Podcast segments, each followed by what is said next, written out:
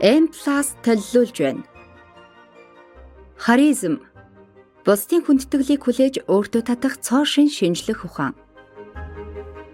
Зохиогч Оливия Фокс Кабейн. Намыг уншсан Болдбаатрийн ариун зул.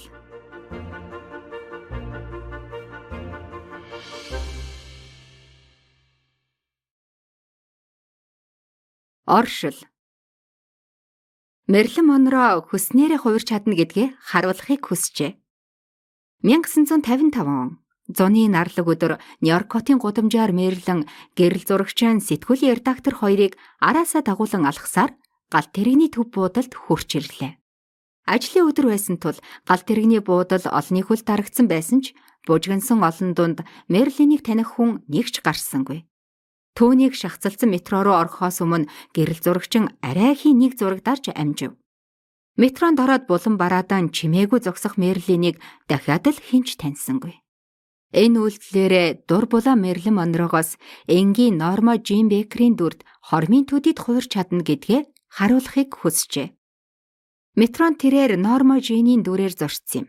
Нью-Йоркийн завгүй гудамжаар алхах зураа тэрээр Мерлин болж харагдахыг хүсэн гэрэл зурагчнаас Чи түүнийг хармаар л байгаа эзтэй гэж асуулаа. Тэгээд тэр дөрвтэй үйл хөдлөл хийлгүй, ердөө үсээ хөвсөөлгөд биеийн байрлалаа өөрчилж зогслоо. Хормын төдийд тэр бусдыг өөртөө соронзон мэд татах дур булаам нэгэн болж хувирв. Түүнээс гэрэл цацарч бүх зүйл хөдөлгөөнгүй болж цаг хугацаа тэр агшинд зогссон мэт болов. Эргэн тойрны хүмүүс Мерлинийг сая нэг юм танин од бүсгүй дэрэгдэн байсанд нүдэндээ ч итгэхгүй гайхан зогсно. Шүтэн бишрэгчт нь бүсгүйг барьж идэх шахаж, Мерлиний гэрэл зурагч нь тэднийг түлхэж хэдэн минут ноцолдсны эцэст Мерлин арай гэж олны хөлөөс мултарлаа. Харизмын тухай яриа нь мөнхөд сонирхолтой хэрнээ санал зөрөлдөөнтэй сэдв байсаар ирсэн юм. Харизмын тухай хичээл заадаг гэж би хурал цуглаа үдшилэг дээр хүмүүст хэлэхэд тэдний нүдэн сэргэж ирээд уулга алдан. Харизм гэдэг зүйл чинь хүнд байглаас заяадаг. Өөрт нэг бол байдаг, үгүй бол огт байхгүй зүйлэл гэж боддог байлаа гэж хэлдэг юм. Зарим нэг нь харизмыг азтай нэгэн доногддог хувь тохиол гэж боддог бол харин зарим нь харизмтай болохыг мөрөөдөн шаналж байдгийн учир нь шин төсөл ажил эхлүүлэх, шин компани байгуулах, шин эзэнт улсыг бий болгох гээд ямар ч нөхцөл байдалд харизмтай хүн дэлхийн ертөнцид нөлөө бүхий нэгэн байж чаддаг байна. Билл Клинтон, Стив Джобс шиг бусдыг соронзон мэд татдаг хүн байх ямар байдаг тухай та өмнө нь бодож байсан уу? Та өөрт байх багахан харизма сайжруулж хөгжүүлэхийг хүсдэг нэгэн эсвэл бусдыг өөртөө татах эд шидтэй болохыг хүсдэг хүн аль нь ч байсан хүн бүхэн харизмыг сурч хэвшүүлэх боломжтой гэдгийг хэлэхэд таатай байна. Харизм танд ямар ач тустай вэ? Таныг өрөөнд орж ирэхэд хүмүүс тэр дор нь анзаарч өг бүрийг тань чих тавин сонсож үйлдэл бүрээ таны таалалд нийцүүлэх гэж хичээдэг байсан бол амьдрал тань ямар байх байсныг та төсөөлөд үзтээ. Харизмтай хүний амьдрал ийм л байдаг. Тэд цаг үргэлж бусдад нөлөөлж байдаг. Хүмүүс тэдэнд соронзон мэт татагдж чадах чинээгээрээ тусдим болох гэж шуурцгаадаг. Харизмтай хүмүүст өргөн боломж нээгдэж илүү мөнгө олж уурлаж бухимдах нь баг байдаг учраас тэд эд шидийн мэт амьдралаар амьдардаг гэлтэй. Харизмын хүчээр та бусдад таалагдж тэдний итгэлийг хүлээхээс гадна хүмүүс танаар удирдуулахыг хүснэ. Таны манлайлагч эсвэл даалгавар гүйцэтгэгч байх, санаа бодлыг тань хүмүүс хүлээн зөвшөөрөх хэсэг. Санаачилсан ажил төслүүд тань хэр үр дүнтэй хэрэгжих хэсэг нь харизмтай байх үгүйгээс шалтгаална хүмүүсээр хүснээ хийлгэж хорвоо ертөнцийг өөрийн талд эргүүлэх их хүчийг харизм танд өгөх болно. Ялангуяа бизнесийн харилцаанд харизм нь нэн чухал байдаг. Шинэ ажилд орох, тушаал дэвших гих мэт зорилгодоо хүрэхэд тань харизм туслах болно. Харизмтай хүмүүсийн ажил гүйцэтгэлийн үнэлгээ нь илүү өндөр байдаг ба харийн албан тушаалтан удирдахч хүмүүс нь тэднийг илүү үр бүтээлтэй ажилтан гэж үнэлдэг байна. Та манлайлагч эсвэл манлайлагч болохыг хүсдэг нэгэн бол харизмын ачаар та хамгийн шилдэг хүмүүсийг компанидад татаж чадна. Удирдагч нь харизмтай болох хүмүүс илүү сайн ажиллаж, ажлынхаа ач холбогдлыг сайтар ухамсарладгаас гадна чадварлаг боловч харизмгүй удирдагчтай харьцуулахад харизмтай удирдагчтай ажилчид нь илүү их ихтгэл хүлээлгдэг болохыг судалгааны үр дүн харуулжээ. Харизмтай удирдагчид нь бусдыг өөрийн зорилгын төлөө чин үнэнчээр зүтгүүлж, тэднэр ажлын шаардлагыг давуулан биелүүлж, ажлын төлөө хувийн ашиг сонирхлоо хүртэл золиослоход хүргэдэг гэж Уорт их сургуулийн бизнесийн профессор Роберт Хаус хэлсэн байна. Зарим худалдагч нар бусдаасаа 5 дахин илүү борлуулалт хийдгийн нууц нь ердөө харизм л байдаг. Хөрөнгө оруулагчдыг өөрсдийн хурж ирэхэд хүргэдэг бизнес эрхлэгч байхад банкнаас зээл гуйх бизнес эрхлэгч бас байдаг нь мөн л харизмд байдаг. Бизнесийн бус салбарт ч харизм нь адилхан үр өгөөжөө өгдөг. Хүүхдээ зөв хүмүүжүүлж, багш нартай нь учир зүгээ ололцож, айл хөршөө дундаа хүндтэй байхыг хүсдэг гэрээ эзэгтэйд ч харизм хамаатай. Их сургуульд орох ярилцлагаа амжилттай өгөхийг хүссэн ахлах сургуулийн сурагчид, сурагчдын зөвлөлийн байгууллагад удирдах албан тушаалд өрсөлдөж байгаа хүүхдүүдэд хүртэл харизм тус болно. Найз нөхөд дундаа нөлөө бүхий нэгэн байж, нийгмийн харилцаанд өөртөө илүү ихтэй байхад тань харизм тус болно. Харизмтай эмчнэрт өвчтнүүд нь илүү таатай ханддаг бөгөөд бичиж өгсөн жорын өвчтнүүд ягштал баримталдаг байна. Ямар нэг алдаа мадаг гарвал тэдэнтэй заргалдах хүнч цөөн байдаг аж. Судалгаа шинжилгээний салбарт ч харизм нь чухал үүрэгтэй. Харизмтай судлаачийн бүтээл нь нийтлэгдэж, олонд хүрэх магадлал өндөр бөгөөд судалгаанд зориулагдсан тэтгэмжээс санхүүжилт авах магадлал өндөр байдгаас гадна заадаг хичээлийн олон оюутнууд сонирхон судалдаг байна. Лекцээрээ оюутнуудыг бишрүүлж хичээлийн дараа асуулт асуухаар үүдэнд нь дугаарлан зогсож байдаг профессорын нууц мөн л харизмтай холбоотой юм. Харизм бол эд шид биш, суралцж хэвшүүлдэг зан төлөв юм. Харизмыг төрөлхийн зан төлөв мэт ойлгодог нь ташаа ойлголт юм. Хэрв харизм нь удам дамжин ирдэг байсан бол хүмүүс цаг үргэлжил бусдыг өөртөө татаж байх байсан биз. Харин бодит байдал дээр тийм тохиолдол бараг л байдгүй. Хамгийн мундаг од хүнч заримдаа харизмтай, заримдаа харизмгүй мэт байдаг шүү дээ. Мерлин Монрол гэхэд нүд ирэмхийн зур харизма нуун далдалж бусдад анзаарагдахгүй байж чадсан. Харин биеийн хилэмжээ үл мэдэг өөрчлөхөд л эргээд харизмтай нэгэн болж хувирсан шүү дээ. Сүүлийн үед хийгдсэн дөрвтэй судалгаануудаас харахад харизм нь амин бус харилцааны илэрхийлэл бөгөөд төрөлхийн зан төлөв эсвэл хүнд байх эд шидийн шинж чанар огтхонч биш болох нь нотлогцоор байна. Тиймдээ ч альва хүн харизмт зан төлөвөө харуулж байгаа эсхээс шалтгаалan бусдыг татах хувьц нь янз бүр байдаг байна. Таны өөртөө итгэх итгэл дээцэгтэй хүрч бүхнийг хийж чадна гэсэн итгэл ундарч байсан үе бий юу? Ойр орчныхоо хүмүүсийг пөөх гайхалтай гэж уулга алдтал бусдын сэтгэлийн та хөдөлгөж байсан уу? Дээрх нөхцөл байдалд бид харизмд байдлаа таньж мэдэхгүй байх нь олонтой. Харизмтай хүн гэхээрээ хорон мөч бүр тэрл хിവэрэ бусдыг татаж байдаг хүн мэт бид эндүрдэг. Харамсалтай нь тийм биш. Харизмыг ингэж буруу ойлгодог шалтгааны нэг нь харизм төлөвшил нь биднийг бүр баг байхад бий болдогтой холбоотой. Хүмүүс харизмтай хүн болоход суралцж байна гэдгээ ухамсарлах нь ховор юм. Зүгээр л шин зан төлөвтэй болон түүнийгээ ашиглаж тордож байна гэж ойлгодог. Эцсийн дүндээ зан төлөв нь хөвшил болж та зөнгөөрөө бусдыг татаж чаддаг нэгэн болж хувирдаг юм шүү дээ. Харизмтай гэж нэрлэгддэг олон мундаг хүмүүс алхам алхмаар харизмыг бий болгосон байдаг. Бусдыг татах хувьц нь оргилдоо хүрсэн үед нь ихэвчлэн бид тэднийг хардаг болохоор харизмгүй байхдаа ямар харагддаг байсныг төсөөлөн бодож чаддгүй шүү дээ. Сүүлийн үед хамгийн харизмтай хүн гэж тодорхойлогдоод байгаа Apple компани гүйцэтгэх захирал асан Стив Джобс анхнаасаа харизмтай хүн байгаагүй юм. Төвний анхны илтгэлүүдийг үзвэл их бүрэг ичимхий хэд хөөрч байснаа гинт номо нэгэн болж хувирах зэрэг уучраа нэг л олохгүй байгаа нь харагддаг. Харин тэр жил ирэх тусам бусдыг татах чадвараа сайжруулсаар олон нийтэд өөрөө танигдаж чадсан билээ. Социологчид, сэтгэл зүйчид, мэдрэлийн болон зан төлөвийн судлаачид харизмын талаар их нарийн судалгаа хийдэг. Тэд эмнэлгийн лабораторийн туршилт, шинж чанар цуурилсан салбар хоорондын тууштай судалгаа хийх зэрэг олон замаар харизмыг судалсаар байна. Ингэхдээ ерөнхийлөгчд, зэвсэгт хүчний удирдагчид, бүх насны оюутнууд, менежерүүд, гүйцэтгэх захирлуудыг ч судалгаандаа хамруулсан. Судалгааны эцсийн үр дүнд бид харизм нь зан төлөвийн цогц юм байна гэдгийг ойлгосон билээ. Харизмт зан төлөв гэж яг юу вэ? Бид хэн нэгэнтэй анх уулзаад шууд л бидний анд нөхөр эсвэл атаатайсан болохыг шинжилж санаа бодлоо илэрхийлэх чадвартай эсхийг ажигладаг. Тэдний юу боддог, юу хийж чадахыг үнэлж дүгнэхийг хүсдэг. Та миний төлөө уулыг хөдөлгөж чадах уу? Танд тэгэх сэтгэл байна уу гэсэн хоёр асуултын эхний асуултаар бид тухайн хүнийг хэр хүч чадалтай болохыг, Удаах асуултаар тухайн хүнд бид хэр зэрэг таалагдсан гэдгээ мэдэх боломжтой. Гэтэл харизмтай хүнтэй уулзахад та тэднээс их ирч хүч авч тэдэнд таалагдж байгаагаа мэдэрдэг.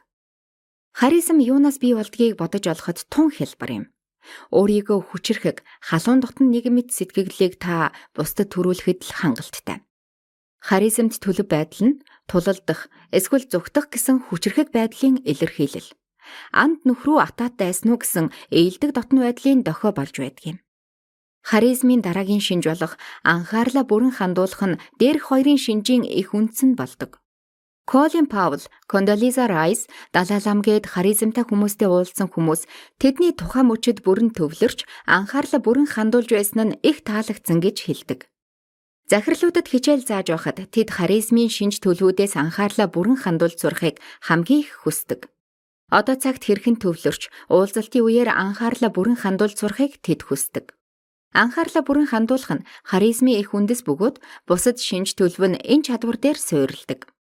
Билл Клинтон зэрэг их харизмтай хүнтэй хамт байх үедээ та түүний сүр хүч халуун дулаан сэтгэлийг мэдрэхээс гадна тухайн мөчөд тэр бүрэн төвлөрч анхаарлаа хандуулж байгааг нь мэдрэх болно.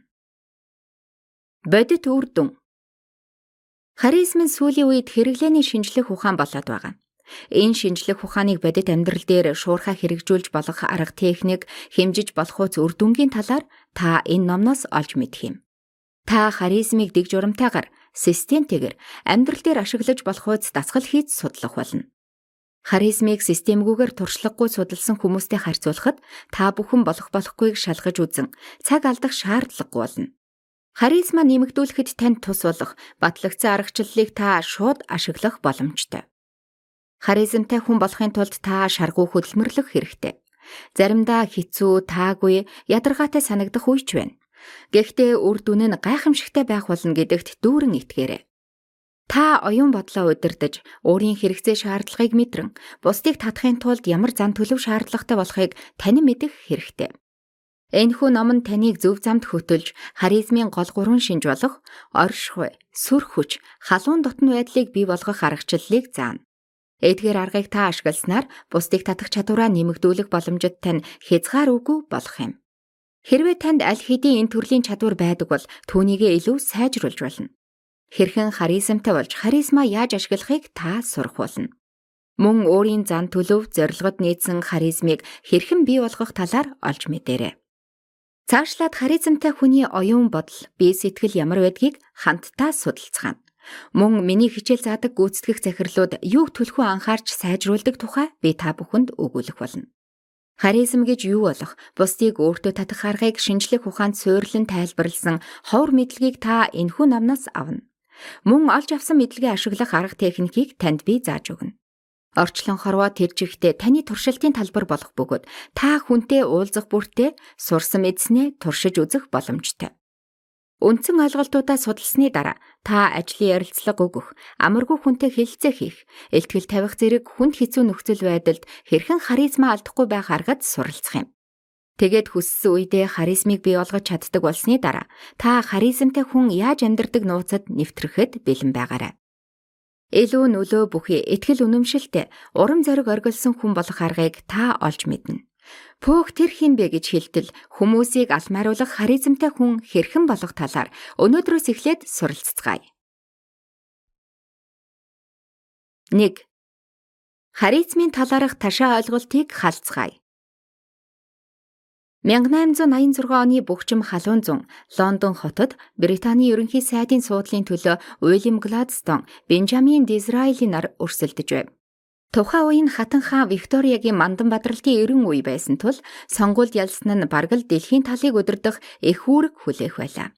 Сонгуулийн өмнөх сүүлийн 7 хоногт сайх хоёрыг хоёулаа нэг эмэгтэйг оройн зогт урьсан болж таарав. Хэвлэл мэдээллийн ч бүсгүйд аль нь илүү таалагдсан болохыг мэдэх гэж шуурцгаав. Ноён Гладстонтой хоол идсний дараа би түүнийг Английн хамгийн ухаантай хүн юм байна гэж бодсон. Харин ноёнд Израилитай хоолсны дараа би Английн хамгийн ухаантай хүн юм байна гэж мэдэрсэн гэж бүсгүй хэлжээ. Хин сонгуульд ялсныг та таада?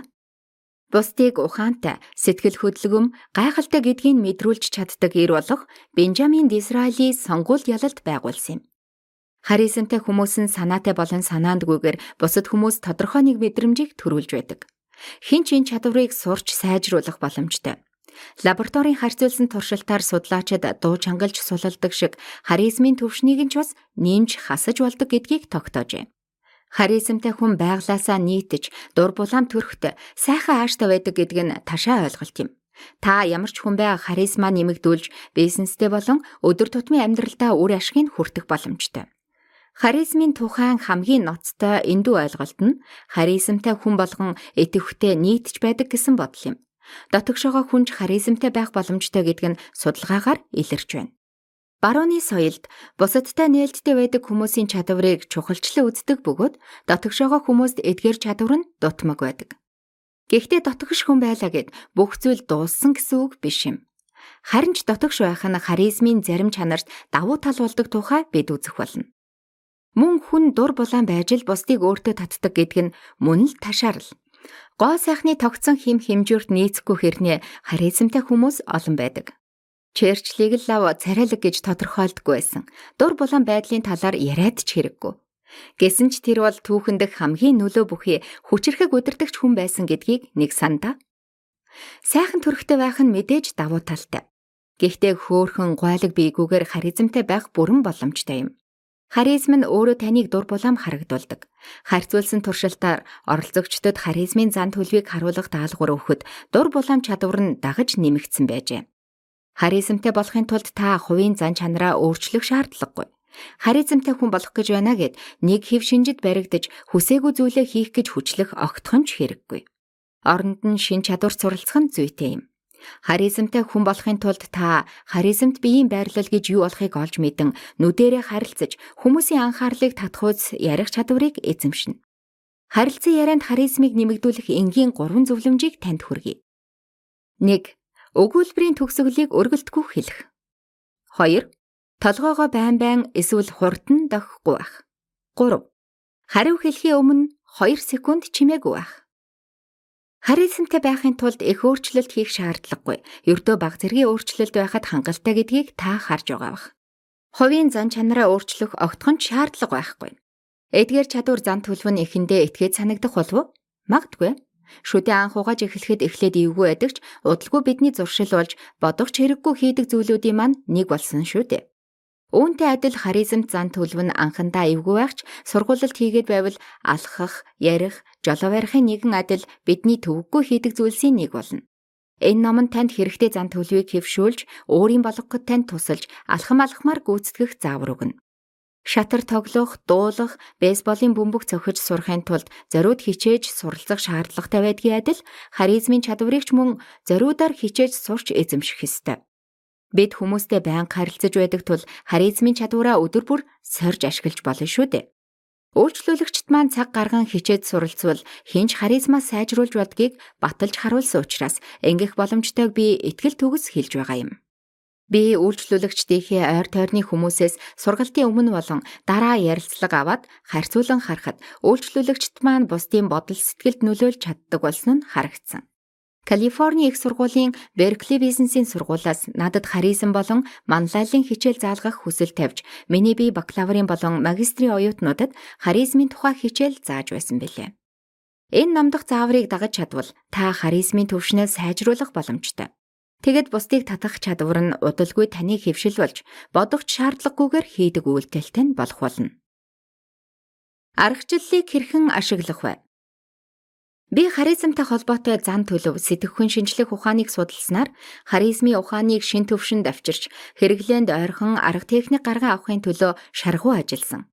Энэ ном нь шинжлэх ухааныг бодит амьдрал дээр хэрэгжүүлэхэд танд тусалж харизмын аргачлалыг сурахад тань дөхөн болох учиртай юм. Таны зарцуулах цаг завын хариуд би танд хамгийн их өгөөжийг хариу болгон барьж, зан төлөв, сэтгэхүй, мэдрэлийн ухаан, бясалгал зэрэг өргөн хүрээг хамарсан арга техникээс эхлээд тамирчдын дасгал сургуйлалд Холливуудын арга барилыг хүртэл заах болно. Шаардлагатай үед буюу зугаатай, сонирхолтой санагдахаар бол би танд онлын талаас тайлбар өгнө. Хамгийн гол нь би танд бодит амьдрал дээр ашиглаж болох арга зааж өгөх болно. Энэ номын гол зорилго нь таныг чадваржуулж, өөртөө итгэх итгэлийг өгч, амьдрал дээр сурсан мэдсэний ашиглахад танд туслах юм. Хичээл тань хэр хурдан үр дүнгээ өгөх вэ гэж хүмүүс асуухад би нэг удаагийн хичээлээр л та өөрөө үр дүнг нь мэдэрнэ гэж хэлдэг. Хоёр удаа хичээл цувал таныг өөрчлөгдсөнийг бусад хүмүүс анзаарах болно. Гурван удаа хичээл цувал та цоо шин хүн болно гэж хариулдаг. Гэхдээ номыг дан ганц унших нь хангалтгүй. Номын дасгалуудыг хачин тоомжиргүй гих үндэслэлээр хийхгүй байх нь та өөрөө өөрийгөө хуурсан хэрэг болно. Уншсан зүйлийг хэрэгжүүлэх чин эрмэлзэлтэй байж та амжилт олох болно. Дасгалын зааварт нүдэ айнаад ямар нэг зүйлийг төсөөлж бод гэсэн бол зааврыг даггал хэрэгтэй. Ямар нэг нөхцөл байдлыг дүрслэн бичээ гэвэл үзэг цаас аваад бичих хэрэгтэй. Хичээл заалгадаг захирлууд маань энэ алдааг түгээмэл гаргадаг. Дасгал хийхгүйгээр амжилт олно гэж байхгүй. Нэг нартай өдөр хийнэ гэж хоошин тавиад зааврыг хальт гүйлгэж уншиж явж болохгүй. Бас амархан санагдсан сонирхолтой дасгалуудыг хийгээд бусдын орхигдуулвал ямар ч үр дүнгүй байх болно. Хэрвээ би танд даалгавар өгчл байгаа бол ямар нэг учир шалтгаантай болоод л өгч байна гэсэн үг юм. Харизмыг тань нэмэгдүүлэхэд чухал ач холбогдолтой болохоор л би танаар дасгал хийлгэж байгааг ойлгох тун. Үзэгчдийн өмнө харизмтай байх гихчлэн тэр дор нь ашиглаж үр дүнг нь харах боломжтой аргууд бий. Харин зарим нь олон 7 хоногийн турш хөвшүүлж байж сурах чадварууд байгаа. Харизмыг нэмэгдүүлэхэд хөлийн хуруу хүртэл хэрэг болох этгээд аргууд ч багтсан байгаа шүү. Анхлан суралцагчдад ямар зөвлөмж өгөх вэ гэж би нэг үйлчлүүлэгчээсээ асуухад эхлээд хэцүү санагдаж байж болох ч удалгүй та өөрийгөө нээж гайхалтай дүнд хүрнэ гэдгийг сануулаарай гэж загс юм. Өөрийгөө дайчил, өөрөөс шалтгааллах зүйлсээ сайн хий.